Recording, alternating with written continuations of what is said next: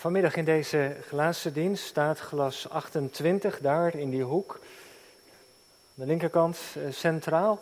Als het goed is, heeft u ook een foto gekregen of een A4'tje met drie korte fragmenten uit dit glas.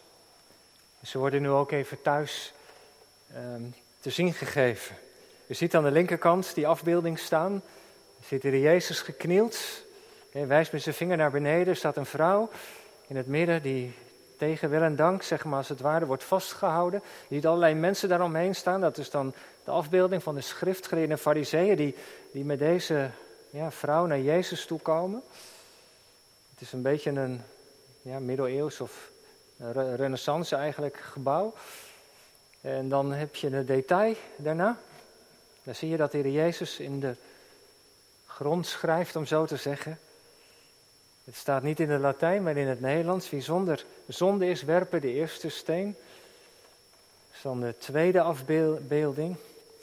En een klein detail boven in het raam, dat zie je op het A4'tje helemaal aan de rechterkant. Dan zie je een soort venster en daar loopt iemand weg met een staf in zijn hand. En ik heb me laten vertellen dat dat een man is. Waarmee die vrouw overspel heeft gepleegd. Over hem gaat het niet in deze geschiedenis, maar hij piept er tussendoor, van tussenuit om zo te zeggen. Het lijkt dan opgemerkt, maar het venster ligt ook wel even. Uh, laten we even het beeld vallen op hem. En glas 28 is een geschenk van de gemeente van Rotterdam aan Gouda.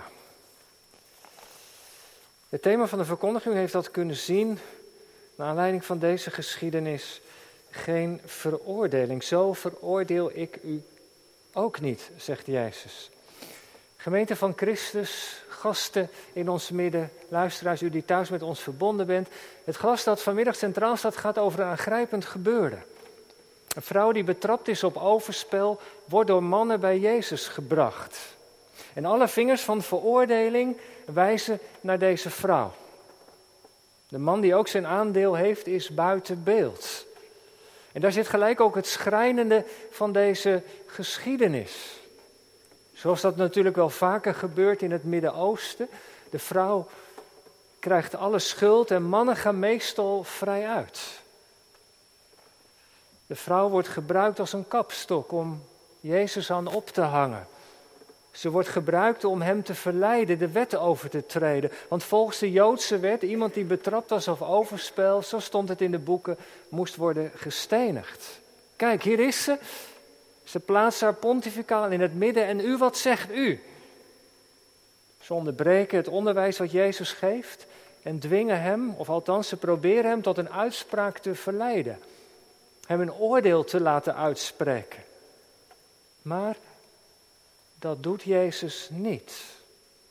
Hij speelt niet mee in het spelletje dat ze willen spelen.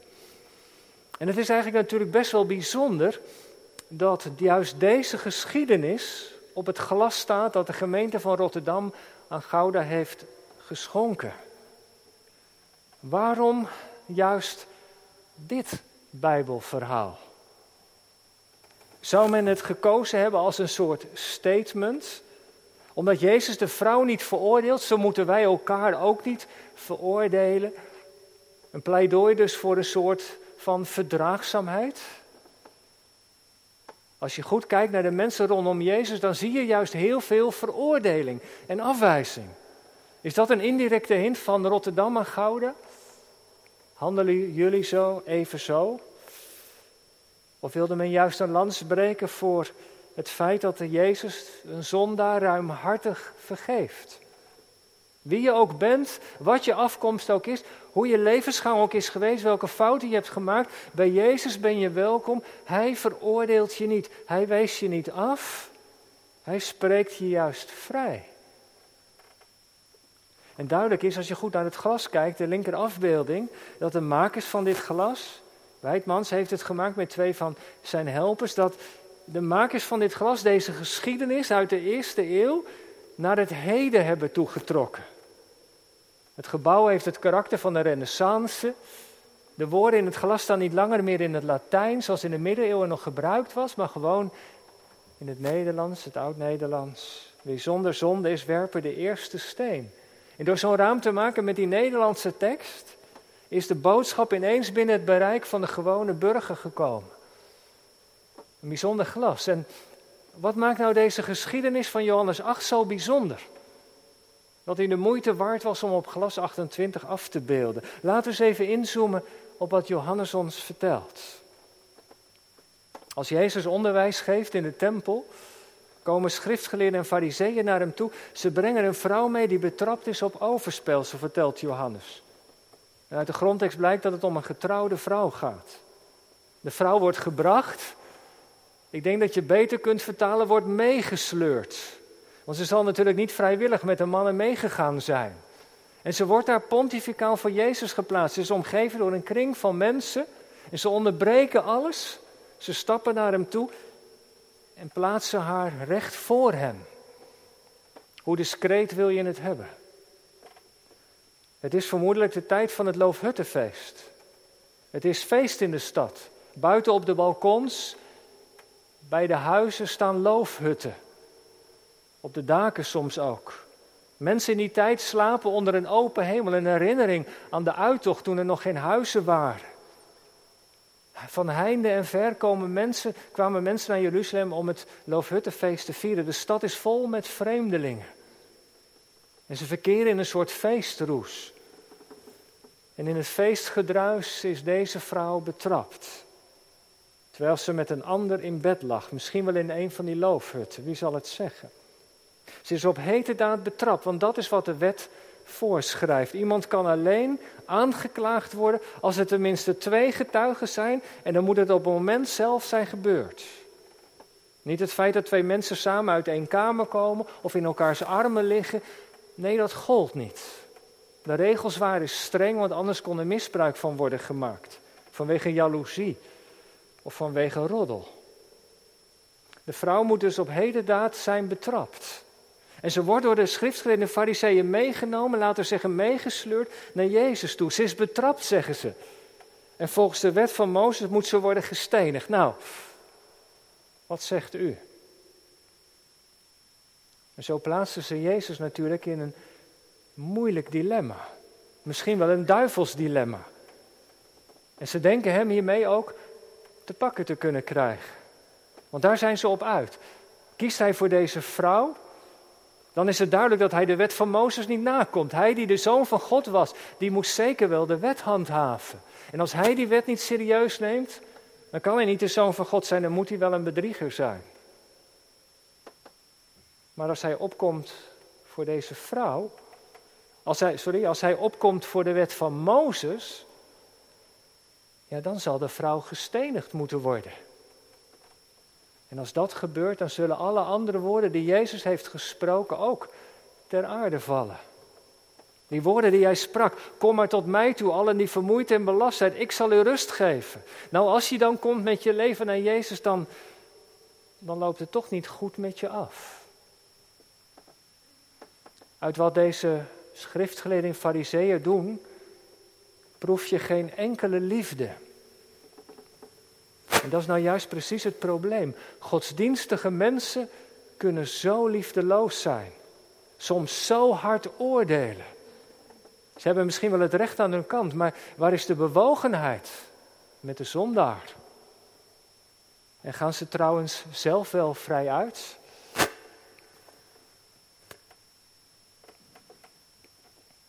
Het oordelen en veroordelen, dat kan een mens kapot maken. En ik weet niet of u of jij dat in je leven ook wel eens hebt meegemaakt. De blikken van die ander. Ze zeiden niks, maar ondertussen. Of misschien juist wel de woorden die tot je zijn gesproken. De vrouw staat daar zwijgend.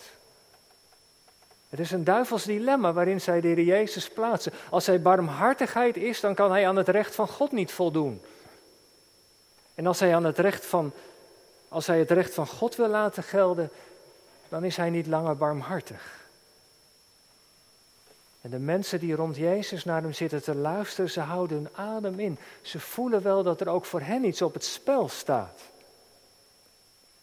Als je nog eens kijkt naar die afbeelding op het glas, dan zie je dat dus ook. Hè? De afkeuring van die mensen. Die mensen hebben allemaal verschillende houdingen. En dan zie je dus ook dat, dat, dat ongenoegen en die veroordeling in die blikken. En ze hebben wapens in de hand. Ze staan al klaar om niet alleen die vrouw, maar ook Jezus aan te pakken. En die kring van mensen die zitten luisteren, die is minder in beeld. Maar ze zijn er wel.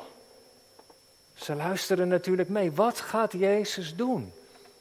Nou, twee dingen. Hij heeft een boodschap voor die schriftgeleerden en fariseeën die verontrustend is.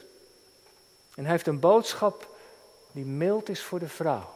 Allereerst de boodschap die verontrust. Wat doet Jezus met de mensen die de vrouw aanklagen?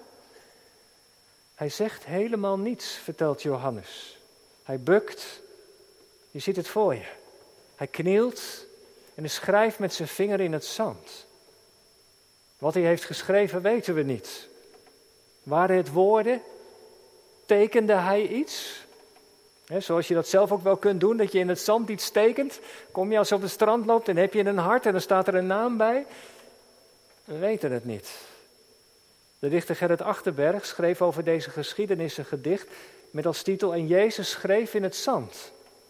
Hij schrijft, Jezus schreef met zijn vinger in het zand. Hij bukte zich en schreef in het zand. Wij weten niet wat hij schreef. Hij was het zelf vergeten, verzonken in de woorden van zijn hand. Nou, of het zo geweest is, weet ik niet of hij dat vergeten is. Ik denk dat de Jezus dat heel bewust deed.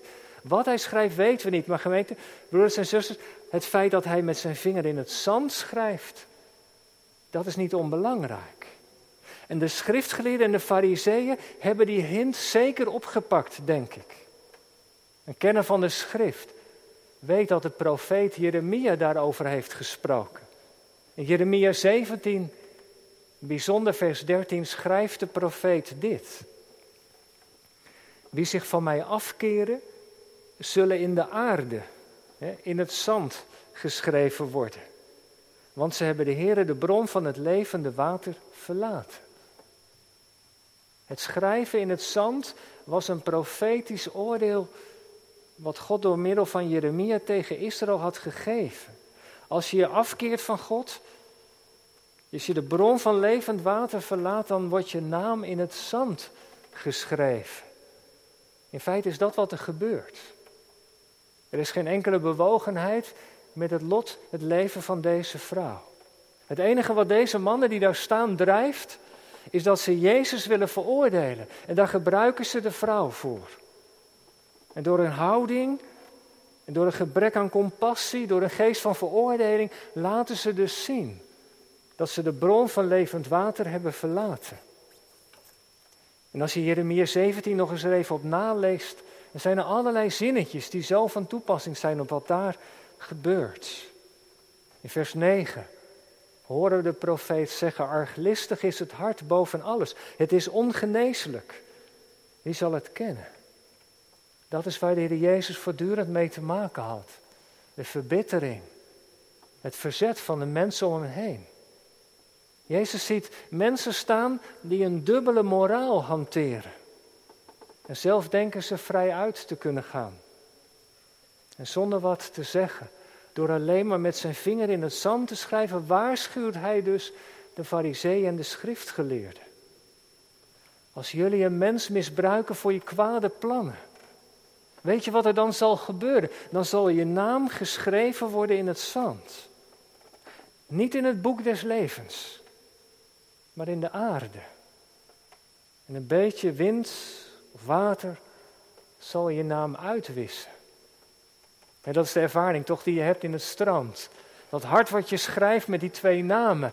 Dan komt er een golf, die gaat er overheen en dan, dan zie je er al bijna niks meer van terug. Of als het heel hard waait, je hebt iets moois gemaakt, het kan zomaar door de wind of door het water weggevaagd worden. Zo zal je naam worden uitgewist, zegt Jezus. Waarom dan? Omdat ze de vrouw gebruiken voor hun kwade plannen tegen Jezus. Ze zijn helemaal niet geïnteresseerd in de redding van deze vrouw, in haar leven, in haar herstel, in haar toekomst. Nee, ze gebruiken haar in het verzet tegen Jezus. En ze hebben een dubbele moraal, want waar is de man eigenlijk gebleven? Je ziet hem op die afbeelding, op dat A4'tje rechts. Als het ware daarboven in dat venster zie je hem stilletjes er vandoor gaan.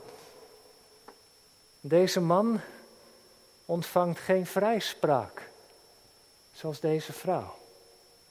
Hij gaat weg, maar hij blijft zitten met zijn verleden. Je kunt maar beter bij Jezus zijn dan overgeleverd worden aan jezelf. Jezus ontmaskert dus de hypocrisie van deze mannen. En dan richt hij zich op en dan klinken uit zijn mond de eerste woorden: Laat wie zonder zonde is, als eerste de steen werpen. Daar staan de aanklagers, ze wijzen allemaal die vrouw af. Wie zonder zonde is, met de beschuldigende vinger naar, Jezus naar de vrouw gewezen, beseffen ze niet dat als je naar iemand wijst, dat het tenminste drie vingers weer terugverwijzen naar jezelf. En zo legt dat ene woord van Jezus heel hun handelen openbaar. Hun kwade bedoelingen komen aan het daglicht.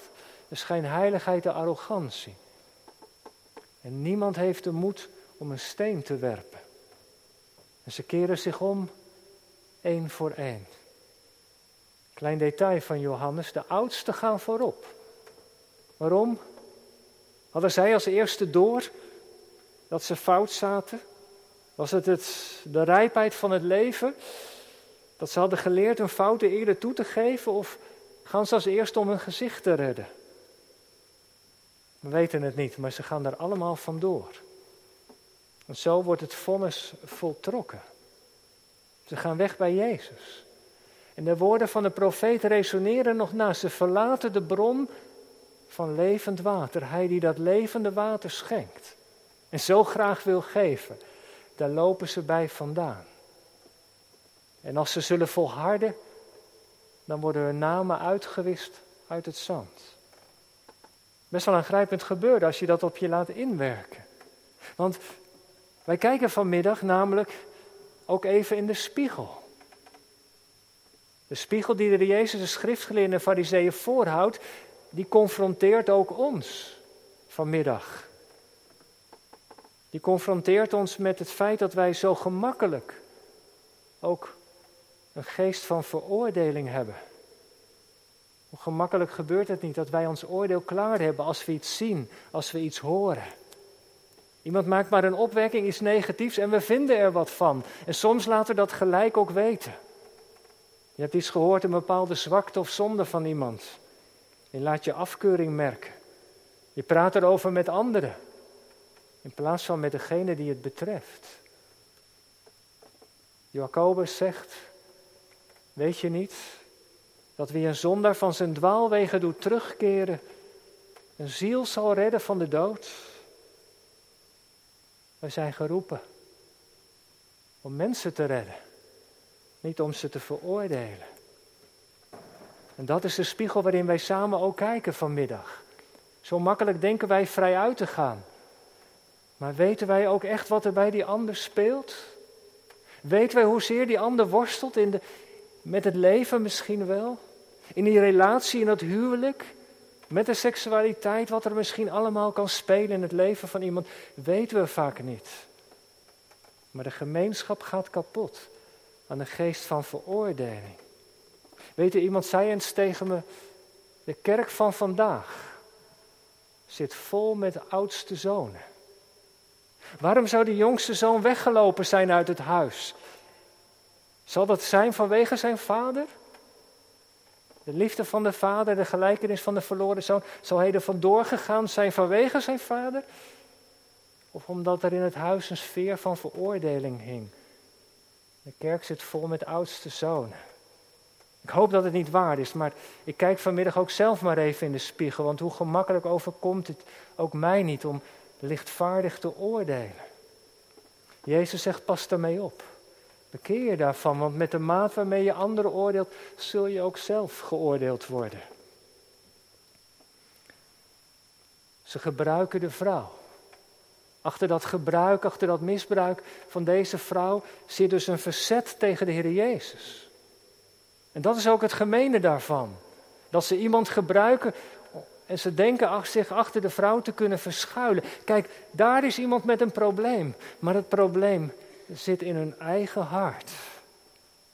En zo zegt Jezus ook tegen hen: Als je iets tegen mij hebt, kom er dan mee voor de dag. Wees dan eerlijk en zo moedig om het mij direct tegen mij te zeggen. Gebruik geen andere mensen om via de band van hen over de rug van hen iets van mij te vinden. God geef ons de moed om eerlijk te zijn. Johannes heeft een bijzondere geschiedenis geschreven. En we luisteren vanmiddag, we kijken een beetje mee, maar heeft dat natuurlijk wel geschreven met een doel. Dat is mijn laatste punt. Die boodschap die op het glas staat afgebeeld. Die geschiedenis die tot Johannes vertelde heeft tot op de dag van vandaag levens en harten van mensen geraakt. Want dat is voluit evangelie. Daarom komen we natuurlijk ook vanmiddag samen om het evangelie te horen. Je ziet daar de vrouw staan. Alle vingers wezen naar haar. Maar al haar aanklagers zijn weg. En ze blijft nog maar alleen over. En Jezus staat op en ik kijk daaraan.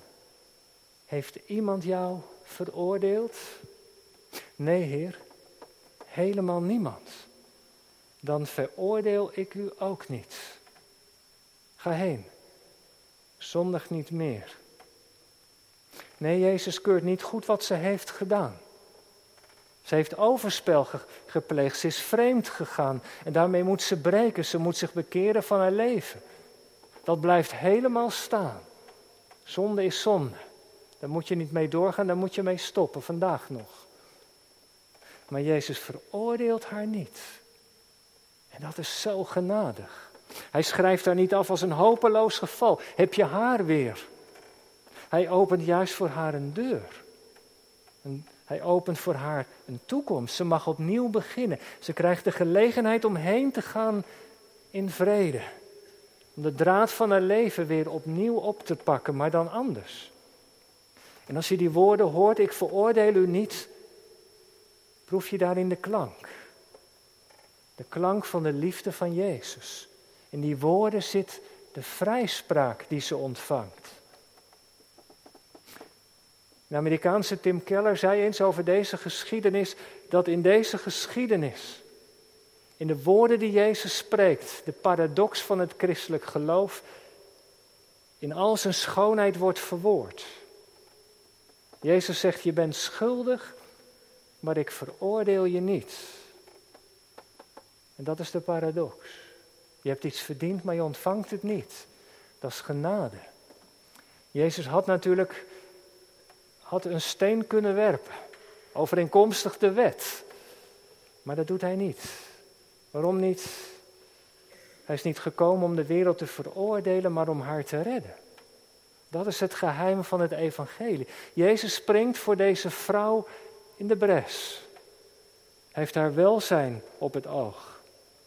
En weet je wat zo ontroerend is? Als je wat doorbladert in het hoofdstuk, in het allerlaatste vers van het hoofdstuk, daar worden stenen opgepakt. Ze pakken stenen op om Jezus te stenigen. Ze namen dan stenen op om ze op Jezus te werpen. En Jezus staat niet toe dat mensen stenen gooien naar deze vrouw. Hij is degene zelf die alle stenen incasseert. Hij die geen zonde kende, is voor ons tot zonde gemaakt, zou Paulus later zeggen. Jezus komt op voor mensen die schuldig staan. En dat is het evangelie. Voor mensen, voor u, jou, mij. Voor mensen die in, in hun leven verkeerde keuzes hebben gemaakt. Je neemt dat verleden voor zijn rekening. Ons verleden. Hoort u het? Mijn verleden. Wie we zijn, wat we ook hebben gedaan. Misschien zegt hij wel tegen ons: zondig niet meer. Maar ik laat je gaan in vrede. En dat is nodig dat we dat woord horen. Telkens weer opnieuw. Dat we breken met iets wat niet goed is. Maar het is Jezus die het zegt. Dus in zijn woorden mogen de liefde proeven en de bewogenheid van onze heiland. Hij is gekomen om ons in de vrijheid te brengen van de kinderen van God. Dat we met Jezus leven en zodat onze bestemming komen. Wat hebben die woorden van Jezus met de vrouw gedaan? Gerrit Achtenberg zegt het zo. Zondag niet meer, zei hij. Ik oordeel niet. Ga heen en luister. Luister naar het lied. En hij stond recht. De woorden lieten los van hun figuur en brandden in de blos waarmee ze heen ging. Als een kind zo licht. En ik dacht, dat is nou de Heer Jezus ten voeten uit. Bij hem overheerst de genade en niet het oordeel. En wie tot hem komt zal dat steeds ook weer ervaren. Steeds weer opnieuw. Kijk nog eens goed. Jezus schrijft in het zand. Wat schrijft hij eigenlijk? Het is moeilijk te zien, maar opeens zie je het. Hij schrijft een naam. Jouw naam staat in het zand geschreven. En onder jouw naam heeft hij zijn eigen naam geschreven.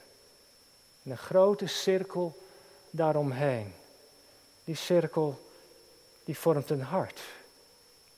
Twee namen die bij elkaar horen. Wat een wonder. Jezus kwam niet om de wereld te veroordelen, om ons te veroordelen, maar om ons te redden. Halleluja. Amen.